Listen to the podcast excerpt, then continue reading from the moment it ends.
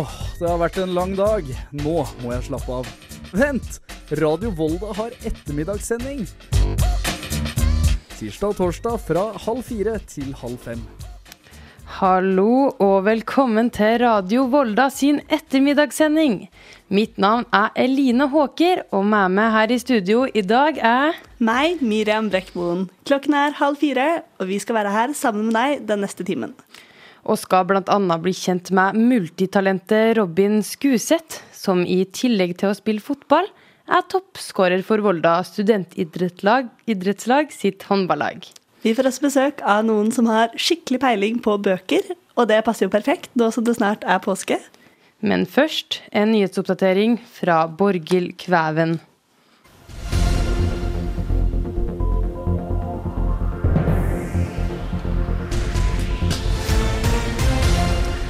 To jenter fra Sogndal folkehøgskole ble tatt av snøskred ved Skarasalen i Ørsta i går formiddag.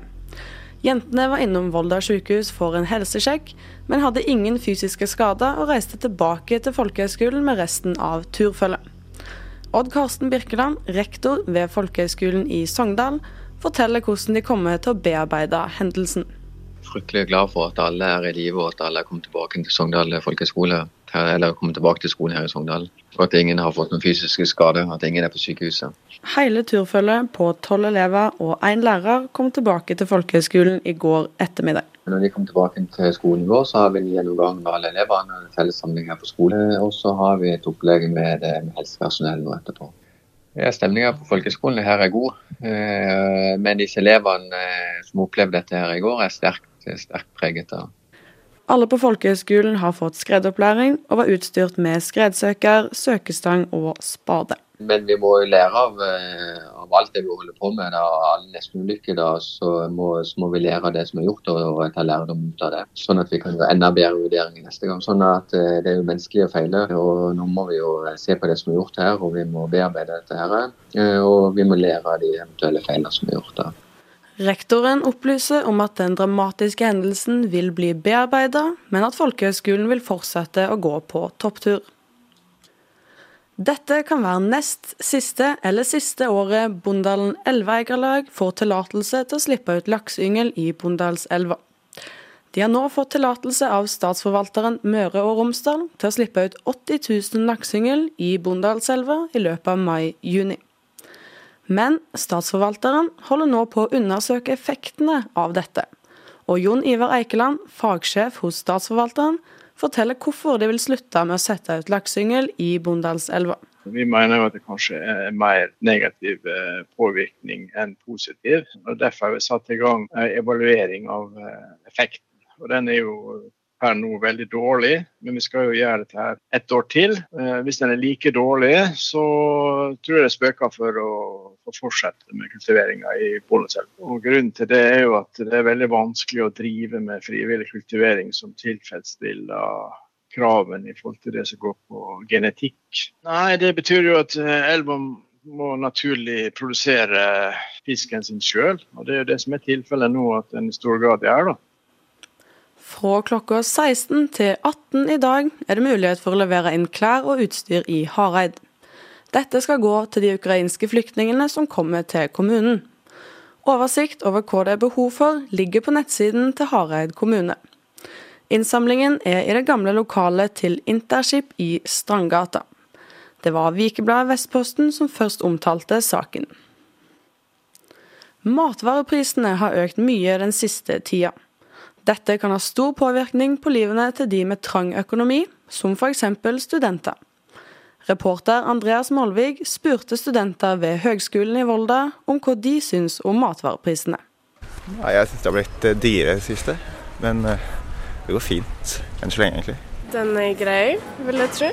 I think they're pretty expensive for me as a German, especially the vegetables are ridiculously expensive. Like jævlig som dieselpriser. Gjør det. Vi bor i Norge, da.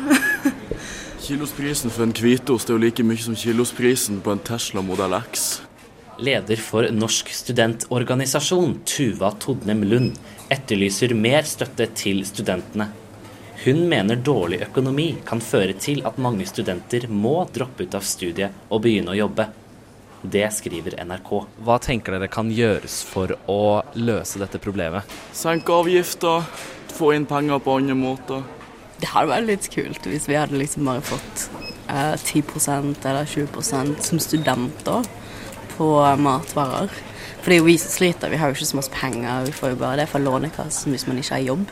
Så hvis òg det var sånn studentrabatt på og matvarer, det hadde vært kult. Kunnskapsdepartementet, som har ansvar for studiestøtten, skriver til NRK at de ikke har planer om å endre støtten i år. Nyhetene fikk du av Borghild Kvæven.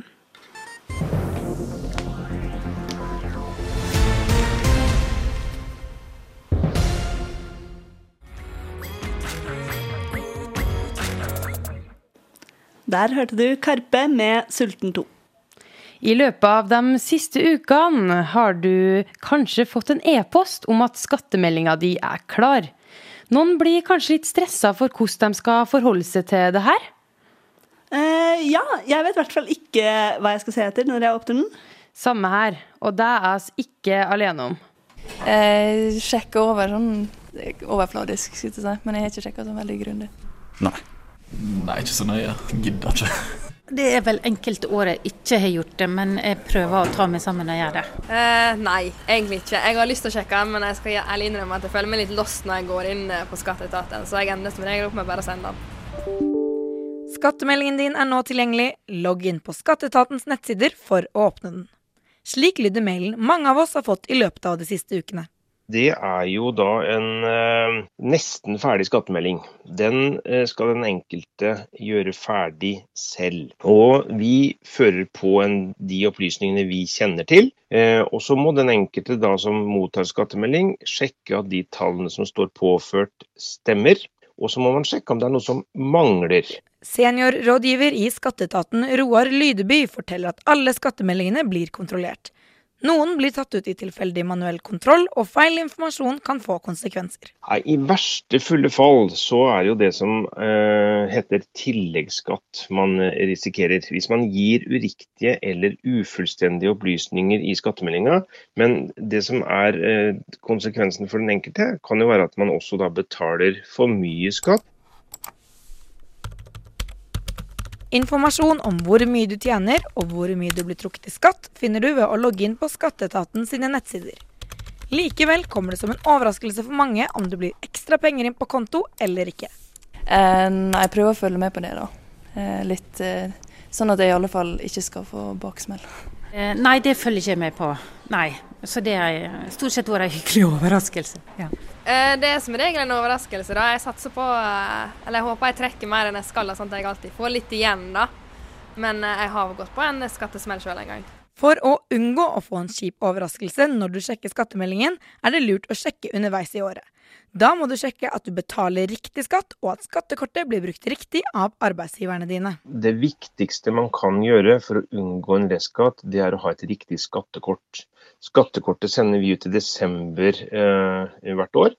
Eh, og da eh, er jo det da et, noe som skal på en måte skje inn i framtida når vi mottar det, og folk er kanskje ikke like våkne. Men det er der folk gjør, bør gjøre den viktigste sjekken, eh, og grunnlaget som står på det. For det vil da danne grunnlag for om du får penger igjen eller restskatt når skattemeldingen kommer, spesielt for de som da har fått en restskatt på skattemeldingen som vi nå har sendt ut. Da er det lurt å finne en årsak til den eh, restskatten, og så prøve å unngå at man får den samme baksmellen eh, året etter. Til alle som gleder seg til å få igjen pengene på skatten, når er det de kan vente å se de inn på konto? Eh, en god del har allerede fått. Det er de som da har, blitt, eh, har levert skattemelding tidlig. Når varselet kommer, så eh, skal pengene være på konto senest tre uker etter at du har mottatt varsel. Veldig ofte så kommer pengene mye før. Selv om økonomi og penger kan være stressende, kommer det også godt med for mange. Den var veldig positiv. ja. Jeg tror litt sparing og litt kanskje til en tur. Reporter i saken var Kaja Stoltenberg. Steiketid! Nå er det ettermiddagssending på Radio Volda. Kommer da, Rufus! Dette må vi få med oss! nå setter vi oss her og hører på resten.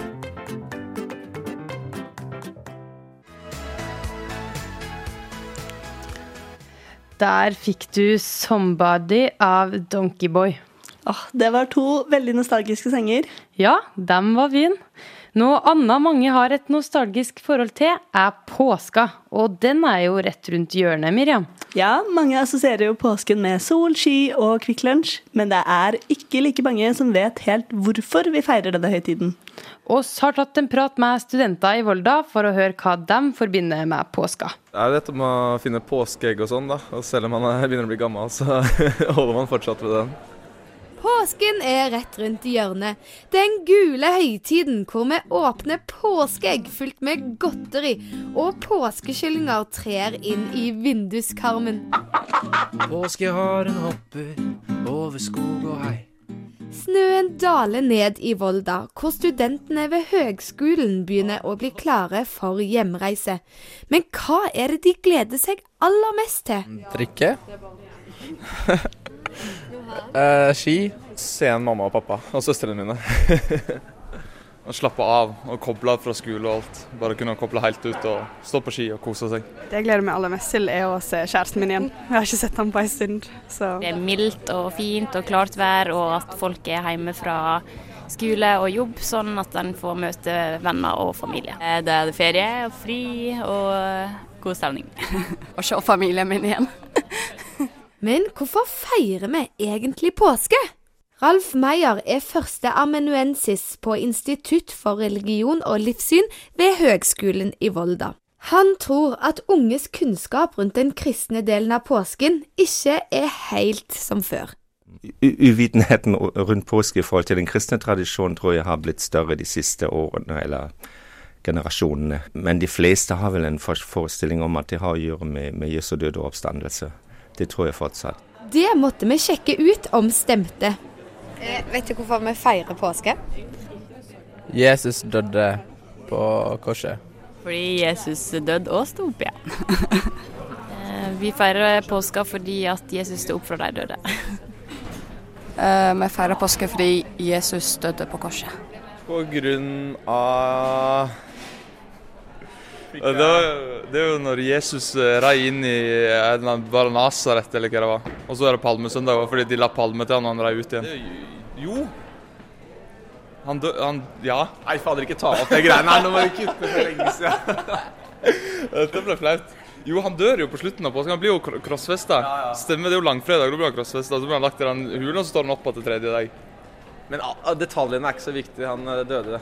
Han døde og sto opp igjen. Jesu oppstandelse. Ja. ja. Og hvis du heller ikke er helt sikker på hvorfor vi feirer påske, så gir Ralf deg svaret her. Ja, det er jo eh, egentlig en gammel eh, kristen tradisjon eh, som fokuserer på at eh, Jesus Kristus eh, døde på langfredag, og eh, ifølge den bibelske tolkningen for, til frelse for menneske, menneskene. Og så feirer han også oppstandelsen på første påskedagen, og det er jo den eldste kristne høytid, som, eh, som har jo blitt omgjort med Jul blir jo mer den viktigste nå i vår tid. Men ellers er jo innenfor, i Norge er jo i andre, mange andre land er det jo også en stor tradisjon knyttet til, til um, vår og til å gå på ski og sånne tradisjoner. Men uh, Og ja, det er jo hovedinnholdet, i hvert fall i den kristne tradisjonen. Påskeharen hopper over skog og hei. Reporter i saken var Julie Ravnås. Nå gleder jeg meg skikkelig til påske. Har du planer for ferien, Miriam? Eh, ja, jeg skal egentlig bare være hjemme i Oslo og nyte bypåsken. Det hørtes ikke dumt ut. Kanskje du får tid til å lese en bok òg? Oss får nemlig besøk av ei som jobber med bøker hver dag, som skal anbefale oss påskekrim. Både som lesestoff og TV-serie. Men først litt musikk.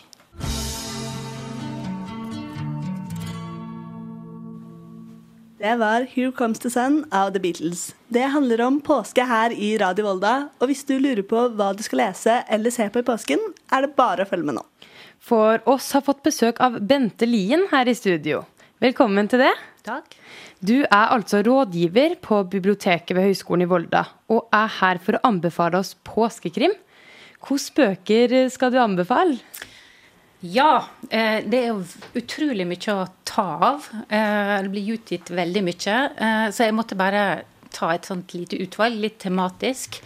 Um, så det første stikkordet det er døden i skisporet. Jeg tenkte det var litt sånn tynn kobling til påska. Men det er bare snøen, ikke noe Kvikk Lunsj og annen god stemning. Um, den første boka det er en bok av Anne Holt, som jeg tror veldig mange kjenner. Uh, boka heter 'En grav for to', og den kom ut i 2018. Uh, det er kanskje mange som har lest en del litt eldre Anne Holt-bøker, og, husker den hovedpersonen Hanne Wilhelmsen, som også er blitt filmatisert.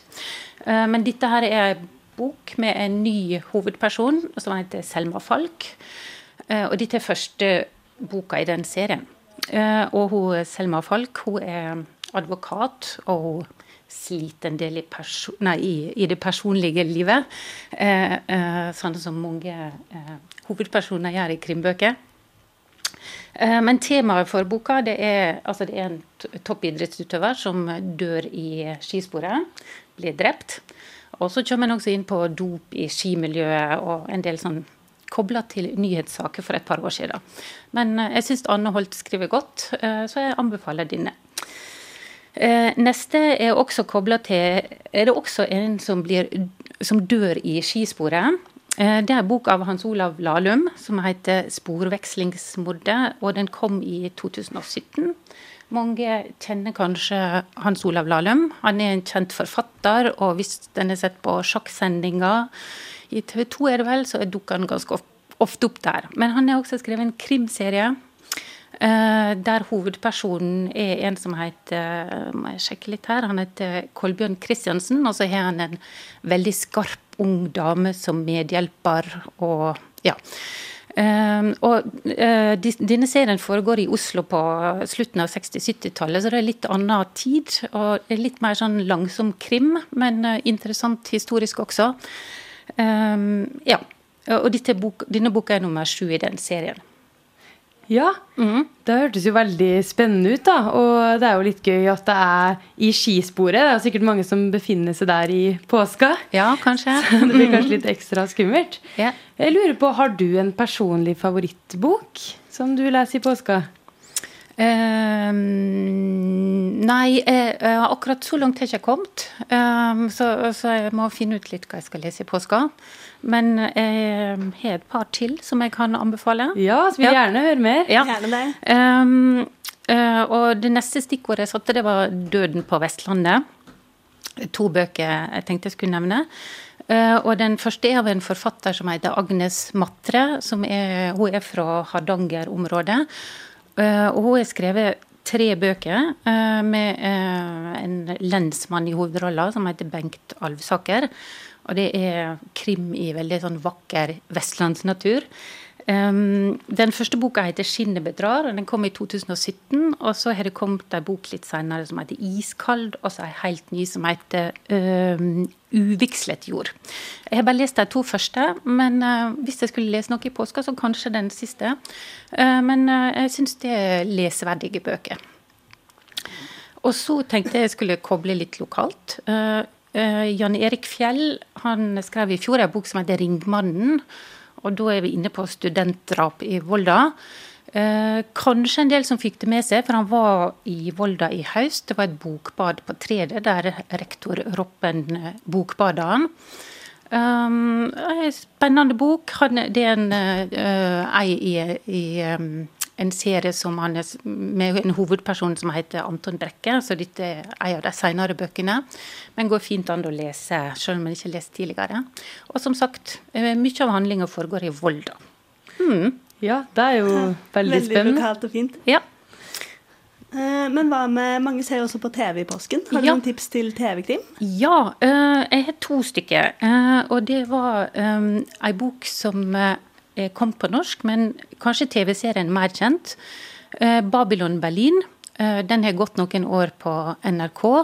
Og det foregår i Berlin på 2030-tallet. Det er drap, og det er nazister i bakgrunnen. Altså det er nazismens framvekst. Veldig interessant historisk også. og Eh, serien syns jeg er veldig god, mye fin musikk. Um, men bøk, eh, den, det kom to bøker norsk, på norsk. Den første heter 'Babylon Berlin', som, eh, som serien. Og vi har den også på biblioteket, hvis en vil lese den. Men jeg anbefaler også serien. Og det fine fint at alle, alle, sesongene ligger på NRK, da, så det er lett tilgjengelig. Ja. Mm. Har du noen flere serier du vil anbefale? Ja, også en serie til eh, som også er på, på NRK. og den er basert på ei bok av en ganske kjent engelsk krimforfatter som heter Anne Cleaves. Hun har bl.a. skrevet uh, bøkene om uh, Vera um, Stanhope. Og på, på, NRK heter serien bare Vera. Uh, veldig mange episoder. Men det var ikke den jeg skulle anbefale. Men hun har skrevet en bok som heter The Long Call, som kom i 2020. og den serien eller fra den, den boka er det laga en serie som heter The Long Call, og på norsk så har den fått tittelen Du skal ikke drepe litt sånn overtydelig norsk tittel. Eh, serien er bare på fire episoder, men eh, veldig sånn eh, godt laga serie. I, med fine naturbilder og, og spennende historier. Så den anbefaler jeg også. Ja. ja. Mm -hmm. Nei, men uh, tusen takk. Eh, hvis, har du noe mer du vil eh, anbefale, eller er det Nei, jeg tror det var det jeg hadde tenkt ut. Og så uh, kan jeg jo bare si at på biblioteket så har vi plukka ut en del krimlitteratur som står rett ved inngangsdøra, bl.a. noen av disse bøkene, så hvis en vil låne noe der til påske, så går det an. Ja. ja. Tusen takk for, at, for så mange gode tips, og så håper vi at du får en veldig fin påske. Ja. God påske til alle. God påske. Mm. God påske. Du hører på ettermiddagssendinga til Radio Volda.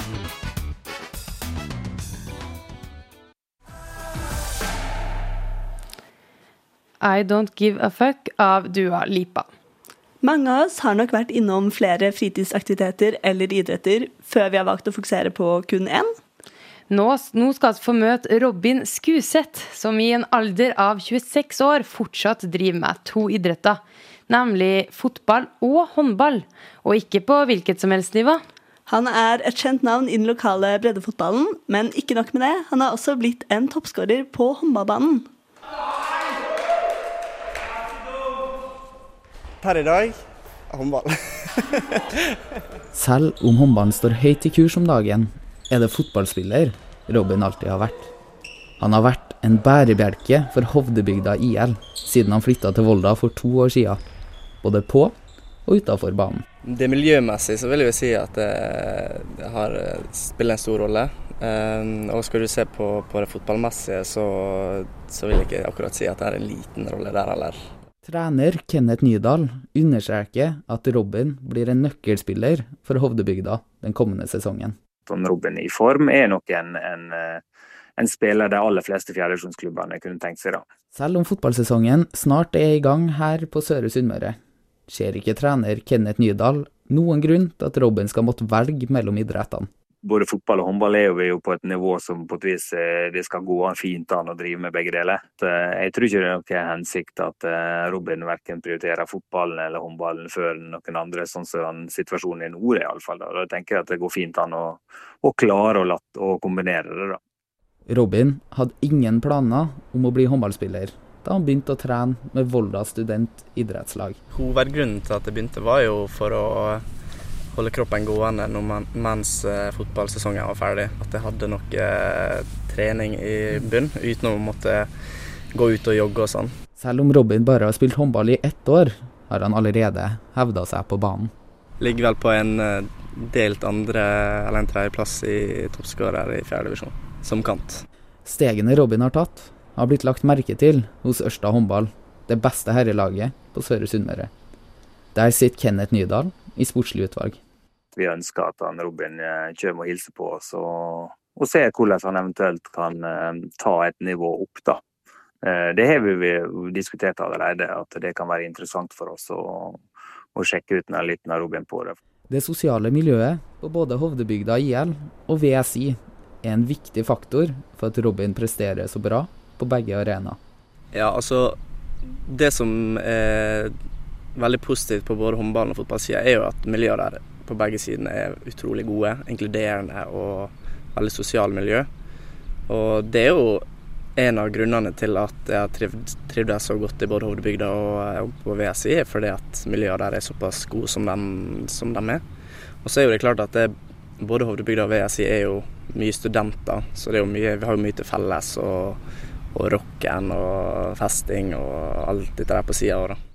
Mor til Robin, Monica Skarbø, har fulgt karrieren til Robin siden han var guttespiller for SIF SA. Hun er ikke i tvil om hvorfor Robin leverer på banen. Jeg tror det er konkurranseinstinktet hans og eventyrlysten. Og at han går inn for det, da.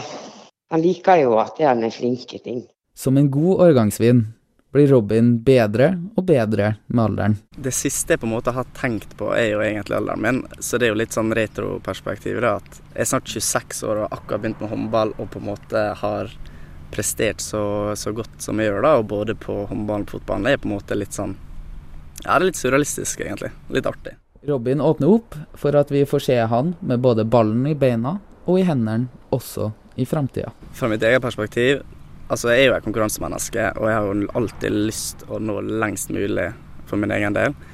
Så jeg tenker bare sky's the limit. Altså, om det er tredjedivisjon eller andredivisjon, det gjenstår bare å se. Reporter i saken var Håvard Moum, som også er lagkamerat med Robin Skuseth. Snart skal vi snakke om en annen populær aktivitet, nemlig topptur og skal møte en toppturentusiast som bl.a. skal fortelle oss om hva man burde ha med i sekken på tur.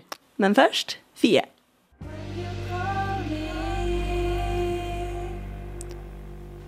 Fie med 'Telephone Girl'.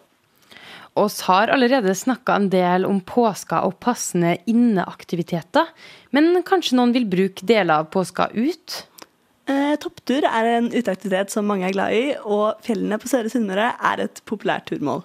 Vår reporter Øystein Ulekleiv er akkurat nå på besøk hos en av dem som er litt over gjennomsnittet glad i toppturer. Hvordan, eh, ja, hvordan går det, Øystein?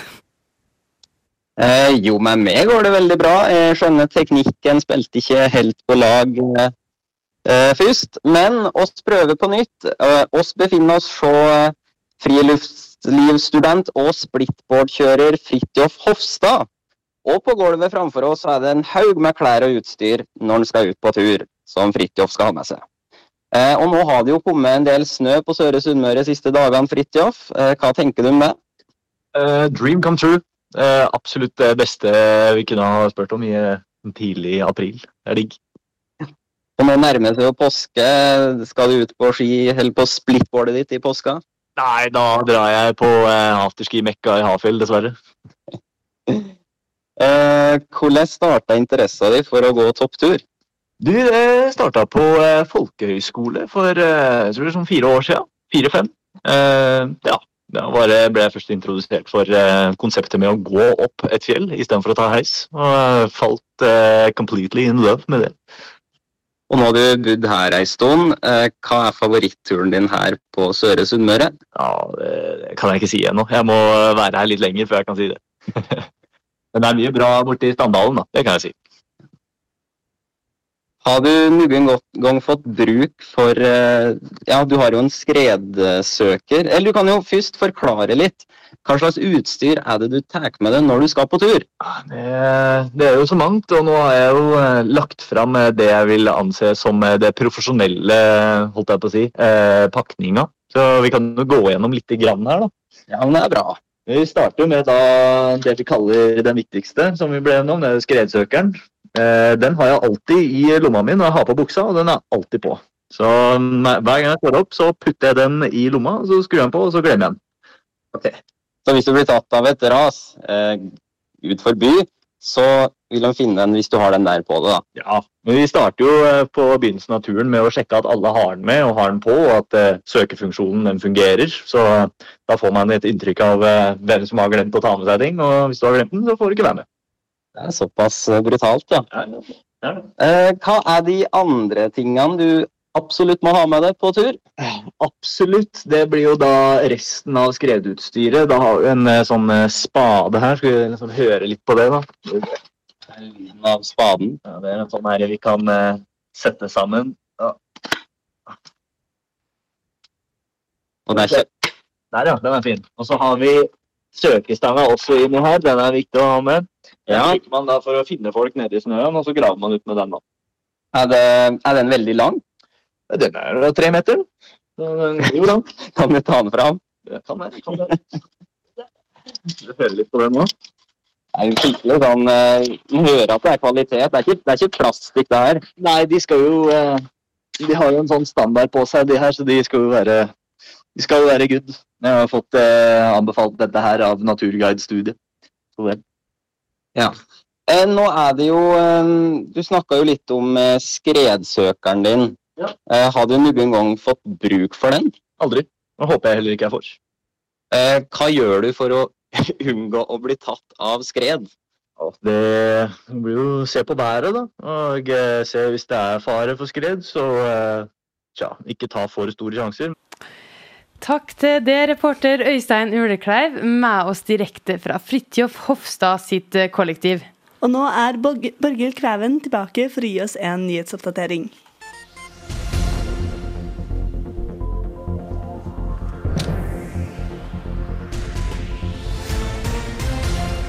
Ørsta kommune sier nei til å flagge regnbueflagget på rådhusets flaggstang under bygdepride. Volda kommune har sagt ja til en ny behandling av reglementet, mens Ørsta har foreløpig sagt klart nei. Leder for Bygdepride, Rune Sæbenes, er skuffa over at Ørsta er negative til endringen i reglementet. Ørsta har et slagord som 'Sammen mot nye høgder'. Og sier Ørsta kommune enda en gang nei, selv om lovverket er endra, så er det vanskelig for å se at 'sammen mot nye høgder' inkluderer skeive. Assisterende kommunedirektør i Ørsta, Eldar Øye, begrunner vedtaket med likebehandling. Hvis en skal tillate en organisasjon eller en gruppering å flagge på, på rådhuset, skal han da si nei til andre.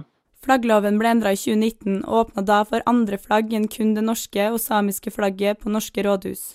Det er ingenting i veien. Det, det er fullt ut på løyve for Bygdepride og alle andre å flagge fra andre kommunale bygg og ellers i kommunen og bruke kommunale flaggstenger, som de også har gjort i mange år, i sentrum. Men da kan jeg si, ikke på rådhus, fordi der fører en kun det norske flagget og samme flagg når det er deres nasjonaldag. da. Rune Sæbenes ser ingen grunn til at kommunene ikke skal praktisere det det nasjonale lovverket åpner opp for. Jeg håper begge kommunene går inn i det nye lovverket og ser at eh, det er ikke lenger noen lovmessig grunn til å si nei. Så jeg håper på en måte de tar et eh, verdibasert standpunkt. For Sæbenes er dette en viktig symbolsk handling. Og, og da må vi se på bakgrunnen. Og det at vi skal ikke så veldig mange år tilbake, da skeive flykta fra Ørsta-Volda, for her var ikke levelig. Altså Hvis du skulle leve åpent her, så var ikke det mulig. Og folk reiste. Eh, klart det har bedra seg, men likevel så er det en viktig symbolhandling fra kommunen å si at eh, eh, bygdene er for alle. Volda har ennå ikke sagt ja, men saken skal opp i formannskapet rett etter påske. Nå kan studenter reise nesten hvor de vil på utveksling i verden. Men foreløpige tall fra Lånekassen viser at over 70% av de som er på utveksling i skoleåret 2021 2022, reiser til Europa. Rådgiver for utveksling ved Høgskolen i Volda, Joakim Rødven, sier at mange har søkt utveksling for høsten 2022, men legger til at flere velger å holde seg i Europa. Jeg tror nok kanskje at eh, pandemien har gjort at noen har fått en liten tanke om at man vil holde seg nærmere Europa, i tilfelle det skulle skje noe. Eh, Men eh, det virker jo som at grensene nå er åpne, eh, og vil forbli åpne. Eh, Så eh, jeg tror nok ikke at man skal være uroa for å dra utenfor Europa, men jeg kan godt forstå at man vil ha den sikkerheten da, og eh, forbli innenfor kontinentet. Nyhetene fikk du av Borghild Kvæven.